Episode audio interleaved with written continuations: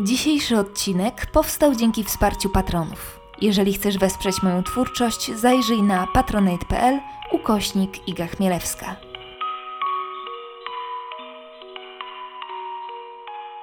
Cześć, to 93 odcinek bardzo brzydkiego podcastu, ten straszny i ten wasz.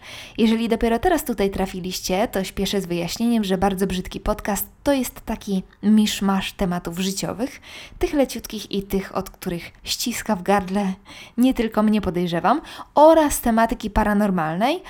No bo tak sobie po prostu uwidziałam. Obydwie te sfery przenikają się ze sobą dokładnie jak w moim życiu, które jest takim ciągłym gibaniem się między twardym ateizmem a serią przedziwnych zdarzeń, które z uporem maniaka zrzucam na przypadek. Ale jedno jest pewne: kocham, kocham, kocham jeszcze raz, kocham tematykę paranormalną. Można powiedzieć, że trochę się tym dreszczykiem maści wszelakiej pasjonuję. A jedną z takich emanacji tej mojej zajawki jest dzisiejszy cykl, który pojawia się u mnie co drugi tydzień.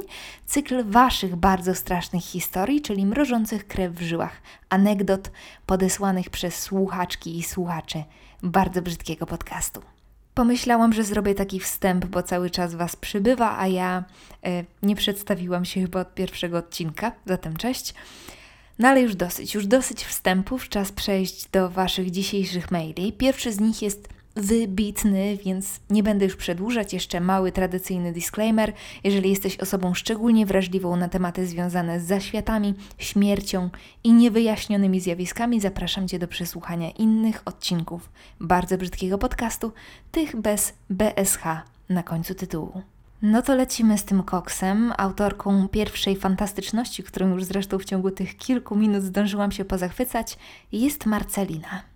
Historia, którą chcę opisać, miała miejsce ponad rok temu. Wraz z mężem i naszym okołorocznym synkiem Frankiem przeprowadziliśmy się do mieszkania w starej, ponad stuletniej kamienicy.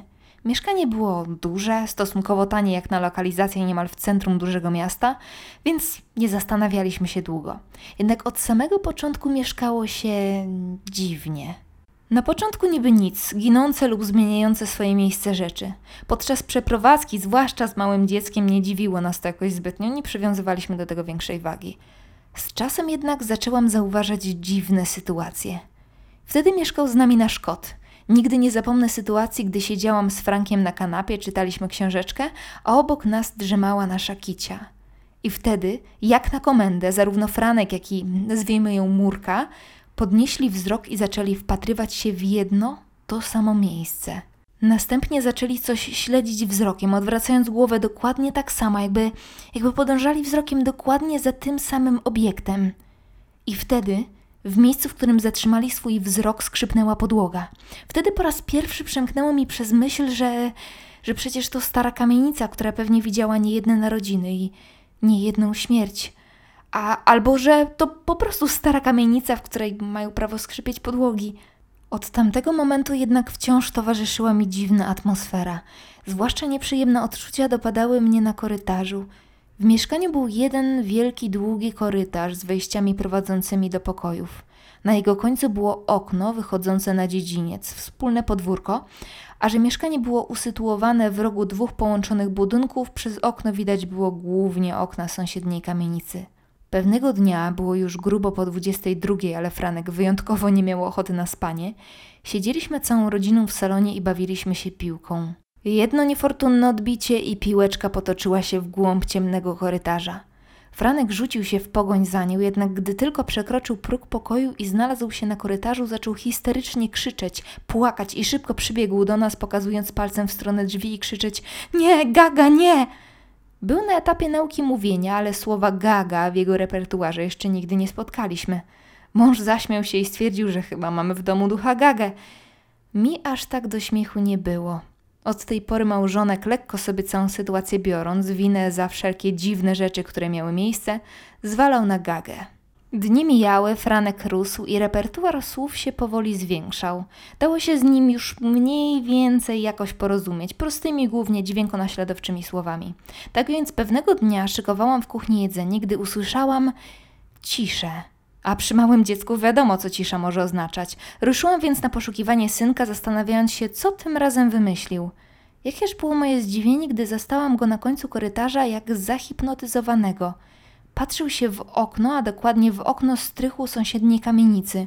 Podchodzę więc i pytam go, już teraz nie pamiętam nawet o co, na co on wskazując na najwyższe okno mówi w swoim dziecięcym języku Mama, tam drzwi, gaga bam, ała! Drzwi wtedy oznaczały dla niego wszystko, co się otwiera i przez co można wyjść, niekiedy także okna. Ała to poważne zranienie, a bam upadek. Zmroziło mi wtedy krew w żyłach, bo dla mnie informacja była jasna. Być może ktoś kiedyś z tego okna wypadł bądź się rzucił. Wciąż jednak nie miałam pojęcia, czy energia, która towarzyszyła temu miejscu, jest wroga czy przyjazna.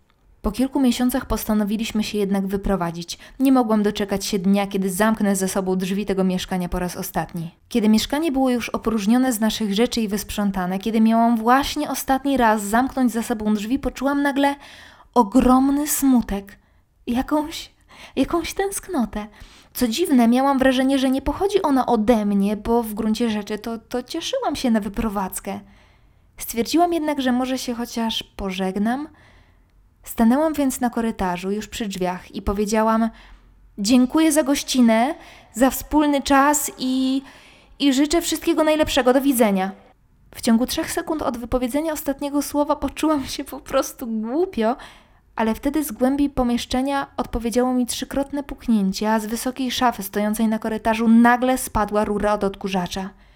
Serce mi zamarło, więc czym prędzej rzuciłam się do drzwi, ale następnym uczuciem był po prostu nagły spokój, jak po uprzejmym pożegnaniu. Uśmiechnęłam się do siebie, zamknęłam za sobą drzwi i do dziś zastanawiam się, jak można by sprawdzić, czy faktycznie moje podejrzenia były prawdziwe. Słuchajcie, myślę, że ta historia jest jedną z najlepszych, jakie dotąd przeczytałam. Przyznajcie mi rację. Mam taką swoją osobistą topkę. Może kiedyś w ogóle nagram odcinek z tymi najlepszymi mailami, bo kilka już ich miałam przyjemność interpretować w tym słuchowisku. Dajcie znać, czy taki pomysł by Wam odpowiadał. To oczywiście byłaby trochę powtórka z rozrywki, ale być może zadbałabym o jakąś lepszą oprawę dźwiękową. Nie wiem, ale myślę, że to nie jest najgłupszy pomysł. Wracając do dzisiejszego maila, to hmm, chyba zacznę od tego, że ta historia jest dobrym przedłużeniem tematu poprzedniego odcinka, prawda? Czyli zjawisk paranormalnych widzianych przez dzieci. W ogóle jedna z moich słuchaczek studiująca psychologię bardzo się zajawiła na e, poszukiwania powodu, dla którego mali ludzie widzą więcej, więc być może za jakiś czas odkryjemy, jakie jest takie mm, naukowe wyjaśnienie tego zjawiska. Znacie mnie, wiecie, że lubię mieć jednak jakąś taką logiczną podkładkę pod ten dreszczyk. Drugą sprawą jest y, uderzające podobieństwo zachowania Marceliny podczas przeprowadzki do tego, co robiłam ja, opuszczając moje poprzednie lokum. Um, I w zachowaniu jest podobieństwo, bo ja też się żegnałam, i w um, odczuciach. To znaczy, y, ja też czułam jakiś dziwny smutek i tęsknotę, które nie wynikały do końca ze mnie. To bardzo ciężko w ogóle opisać. Tak jakbym właśnie dziękowała za gościnę jakiejś cioci, która starała się ugościć mnie najlepiej jak potrafi i ta ciocia uroniła łezkę podczas pożegnania Taka energia mniej więcej. I oczywiście pewnie był to po prostu mój głęboki smutek związany z zamykaniem pewnego dosyć beztroskiego etapu w życiu. W końcu nareszcie przeprowadzaliśmy się pierwszy raz na swoje, więc już wieje jakąś powagą. Niemniej te podobieństwa są mocno dostrzegalne, wręcz uderzające.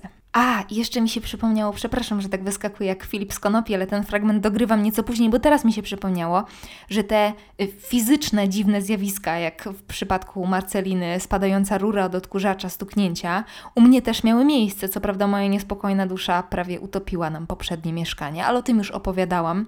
Więc nie chcę się powtarzać, niemniej to też jest zdecydowanie bardzo duże podobieństwo. Dziękuję za cudnego maila, a teraz powędrujemy do wiadomości Konrada i zagłębimy się w zagadnienie proroczych snów, tym razem w bardzo mrocznym wydaniu. Może zacznę od tego, że zawsze przed śmiercią kogoś bliskiego mam prorocze sny.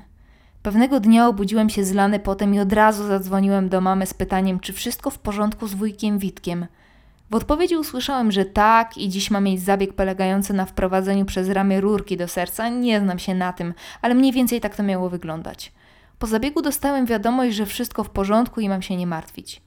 Miesiąc później, wracając z moją dziewczyną taksówką do rodzinnego domu z mocno zakrapianej imprezy, zauważyliśmy, że Witek, który mieszkał z nami, jeszcze nie śpi. Dostrzegliśmy włączony telewizor. Taki mam zwyczaj, że zawsze wracając koń zajdę jeszcze na papierosa. Tym razem drzwi były uchylone i pierwsza zajrzała do wujka moja Gosia. Ja obijałem się gdzieś z tyłu o mury budynku. Nagle usłyszałem przeszywający krzyk Gosi. Witek leży przy łóżku twarzą do podłogi. Wytrzeźwiałem w ułamku sekundy, wbiegłem do środka, odwróciłem go na plecy, sprawdziłem puls. Nie żyje. Kazałem Gosi dzwonić po karetkę i obudzić wszystkich domowników. Prowadziłem resuscytację do przyjazdu karetki. Nie wiem ile minęło. Dwie, trzy, cztery, pięć, dwadzieścia minut. Dla mnie to była wieczność. Niestety ratownicy stwierdzili zgon. Gdy zabrano ciało, usiadłam obok mamy. W pewnym momencie mama zapytała: Pamiętasz, Konrad, swój sen, jak Witek miał ten zabieg? Zdębiałem. Sen polegał na tym, że reanimowałem Witka gdzieś na chodniku, a nade mną sterczał tłum ludzi, którzy ciągle powtarzali: Zostaw, już za późno, to już nie ma sensu, już go nie ma.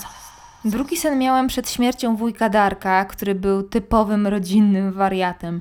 Ten sen był mniej przerażający, dlatego że stałem przed PKP w Poznaniu, gdzie aktualnie mieszkam, i po wiadukcie szedł kondukt żałobny. Wówczas obok mnie stanął wujek Darek. Oczywiście tym snem również podzieliłem się z mamą. Miesiąc później wujek zmarł z niewyjaśnionych przyczyn w swoim pokoju. Dwa lata przed wujkiem Darkiem zmarł jego syn. Typowe przedawkowanie wszelakich środków odurzających, narkotyki, alkohol, dopalacze. Zacznę od tego, że przyjeżdżał do nas w odwiedziny tylko wtedy, kiedy byłem w domu, czyli bardzo rzadko. Trzy dni przed jego śmiercią byłem w szpitalu, gdzie leżał. Mama uświadomiła mi po drodze, że kuzyn jest kompletnie nieprzytomny, żebym się nie przestraszył, bo nie ma z nim kontaktu i wygląda już bardzo źle. Jakież było nasze zdziwienie, gdy wchodząc na ojom zauważyliśmy, że z kuzynem jest kontakt. Pielęgniarka powiedziała, że obudził się dosłownie 10 minut przed naszym przyjazdem. Powiedziała nam też, że chciała go ogolić, ale ma pewne obawy. Zgodziłem się to zrobić. Mama nie była zachwycona. Na szczęście pielęgniarka odparła, że jeżeli taki odważny, niech goli. Widać było, że kuzynowi też to się nie podoba. Kręcił głową, protestował. Posiedzieliśmy u niego jeszcze godzinę i niestety trzeba było wyjechać w trasę. Jestem kierowcą ciężarówki. Po trzech dniach dowiedziałem się od szefa, że powinienem wracać, a powodem jest śmierć mojego kuzyna. Na pogrzebie moja ciocia powiedziała do mnie, że niepotrzebnie go goliłam, on tak bardzo lubił swoją brodę. I wtedy zaczęła się seria nawiedzeń nocnych, która trwała około pół roku. Doskonale byłem świadoma, jak i cała moja rodzina, że te wszystkie cienie na ścianach, te oczy wpatrujące się z bliskiej odległości we mnie, to tak naprawdę kuzyn. W zasadzie zacząłem nienawidzić powroty do rodzinnego domu, ale i po części zacząłem się do tego przyzwyczajać. Szale goryczy mój kuzyn przelał pewnej nocy, gdy obudziłem się z nogą w górze, którą musiałem szarpnąć, by z hukiem walnęło o oparcie narożnika. Przypomniałem sobie słowa kochanej sąsiadki, pani Krysi, która mówiła mi, bym go nawyklinał i pogonił. Tak też uczyniłem. Leżąc w totalnej ciszy tak około pięciu minut, zauważyłem, że noga mojej dziewczyny zaczyna się podnosić, po czym zaczęła zsuwać się z niej kołdra. Gosia zaczęła szarpać nogą przez sen bezskutecznie. Dopiero gdy wstałem i zapaliłem światło, jej noga uderzyła o ramę łóżka, wyrywając ją ze snu. Oczywiście nie powiedziałem Gosi, co ją obudziło, by spokojnie przespała noc. Niestety ja już tej nocy nie zasnąłem. Pani Iga może mi nie uwierzyć, ale pomogło dopiero postawienie obrazka z Matką Boską, którego od zawsze brakowało w moim pokoju. Od tamtej pory jeżdżę do rodziców z chęcią i spokojnie przesypiam wszystkie noce. No cóż, no pan Konrad dobrze zna panią Igę, więc wie, że pani Iga, cóż, no, powątpiewa w wizerunki świętych jako skuteczną metodę walki z niebezpiecznymi bytami. Mm, no ale ja, wiecie, ja się na tym nie znam. Grunt, że pomogło, tak? Trochę się zastanawiałam, tak na chłopski rozum, czy y, sytuacje rodem z Paranormal Activity mogły być spowodowane gestem zrobionym w trosce o umierającego kuzyna. To znaczy, przecież intencje Konrada nie były złe, prawda? Może to zupełnie inne, jakieś nieuregulowane kwestie, a może to wcale nie był kuzyn. kto wie, kto wie. Swoją drogą Konrad w pierwszej części maila, zwykle Wam nie czytam tych wstępów, bo to są zazwyczaj słowa kierowane bezpośrednio do mnie, pisał, że jeździ po Europie ciężarówkami, zakładam, że dostawczymi. I jak sobie gdzieś jedziemy z Marcinem w dłuższą trasę, to często obserwuję kierowców właśnie tirów dostawczaków, którzy nocują na parkingach umieszczonych dosłownie w środku niczego. To jest dopiero przerażające dla mnie. Oczywiście pewnie w rzeczywistości, przy przyzwyczajeniu się do takiej pracy, nie ma w tym żadnego klimatu grozy, robota jak każda inna, ale jednym z takich największych moich lęków, takich czarnych scenariuszy w stylu obudzę się w trumnie, jest sytuacja, w której kończy nam się benzyna w naszym Volvo, którego lubię nazywać szarym trupem. Podkreślam to, żeby zaznaczyć, że ta sytuacja nie jest wykluczona, bo um, samochód jest naprawdę wiekowy. Więc y, kończy nam się benzyna, zatrzymujemy się gdzieś w środku lasu, zostaje w aucie, a Marcin rusza w mrok po paliwo i znika bez śladu. No, także mam taką wizję, taki scenariusz w głowie, który tkwi w niej od wielu, wielu lat. I wizja, że miałabym spać w środku niczego w aucie, nawet takim wysokim z miejscem do spania, jak to jest w przypadku tirów, absolutnie mnie przerasta. Pali choduchy. Ludzi bym się bała. Od razu mam w głowie jakieś stuknięcia w szybę, które wyrywają mnie ze snu, a za nią uśmiechnięta obca twarz wbijająca we mnie swoje ślepia. Także Konrad, gratuluję odwagi, nawet jeżeli uważasz, że ten zawód jej aż tyle nie wymaga. No dobrze, lecimy dalej. Kolejną historię nadesłała Sylwia. Co prawda mój dziadek już nie żyje, ale gdybym tylko mogła z nim teraz porozmawiać, wypytałabym go o każdą możliwą przygodę ze zjawiskami paranormalnymi, które przeżył. A wiem, że było ich kilka. Na szczęście rodzina mojego taty wiele jeszcze pamięta i stąd przychodzę do Was z opowieścią dziadka, którą sprzedał mi tata. Mój dziadek dojeżdżał do pracy pociągiem, a że mieli niedaleko do stacji, chodził na nią na piechotę. Był kolejny zwykły wieczór, a raczej późna noc. Dziadek wracał sobie spacerkiem główną drogą. W pewnym momencie z ulicy wyszła sąsiadka. Przywitali się, przez pewien czas szli w milczeniu, ale podczas rozstania kobieta przypomniała mojemu dziadkowi, żeby nie zapomniał pozamykać stodoły i innych pomieszczeń, bo pogoda ma się zepsuć. Spokojnym krokiem weszła na teren swojej posiadłości i zniknęła w mroku. Faktycznie, pogoda w nocy była straszna. Kiedy dziadkowie wstali, chwilę porozmawiali, jak minęła praca, co się działo w domu, czy dzieci grzecz, no typowe rodzinne pogaduszki. W pewnym momencie dziadek wspomniał babci wczorajsze spotkanie. Wiesz, widziałem późną nocą naszą sąsiadkę, chwilę ze mną szła i dobrze, że kazała mi wszystko pozamykać. Ciord wie, co by się wydarzyło w taką pogodę. Babcia stanęła jak wryta i zbladła. Okazało się, że w trakcie, kiedy mój dziadek był w pracy, sąsiadka zmarła. Dlaczego postanowiła udać się na krótki spacerek z moim dziadkiem? Kurczę, od czasu do czasu dostaję Wasze historie dotyczące takich mm, niezobowiązujących spotkań ze zaświatami, że tak to ujmę. I zawsze próbuję sobie to, wiecie, po swojemu jakoś wytłumaczyć. Um, rzecz jasna, żadne logiczne wyjaśnienie nie przychodzi mi nigdy do głowy i kiedy kombinuję dalej, to tworzą mi się takie dwa alternatywne scenariusze, takie gdyby jednak odrzucić ducha. Oczywiście serii równie fantastycznych. E, postanowiłam się nimi z Wami podzielić. Jeden jest taki, że mózg generuje w pewnym sensie tę postać. Jeżeli twój dziadek na przykład widywał tę sąsiadkę codziennie wracając z pracy, to może ta sytuacja tylko mu się, nie wiem, przewidziała, e, ale na takim wyższym poziomie przewidzenia, coś w rodzaju snu na jawie, nie wiem. A druga teoria, oczywiście wciąż moja wyssana z palca, żeby była jasność, to to, że mm, gdyby, tylko nie uznajcie mnie za wariatkę, gdyby założyć, że istnieją równoległe czasoprzestrzenie, to może ta sąsiadka w tej innej, mm, sąsiedniej czasoprzestrzeni wciąż żyła. Dziadek przez chwilę miał do tego drugiego wymiaru dostęp? Nie wiem, tego się nie dowiemy, ale nie ukrywam, że takie historie zdecydowanie podkręcają moją wyobraźnię i kreatywność przy okazji.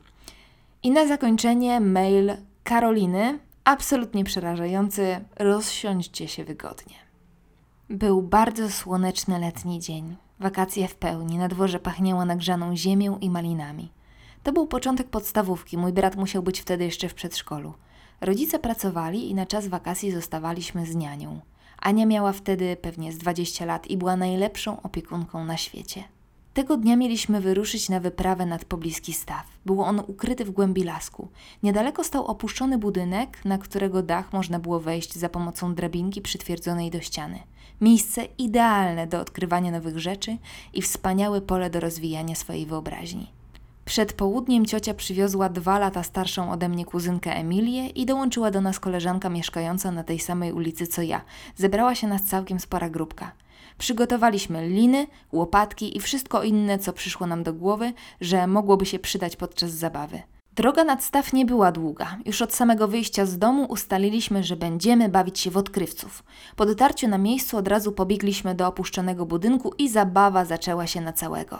Co robicie z tą liną? zapytała Ania, patrząc jak razem z kuzynką wkładamy dosyć długą, grubą linę do wąskiego komina znajdującego się na dachu. Chcemy wyciągnąć dziecko! Odskrzyczała spokojnie Emilia i uśmiechnęła się szeroko. To chłopiec! Zaklinował się w kominie! Dodałam i wróciłyśmy do zabawy.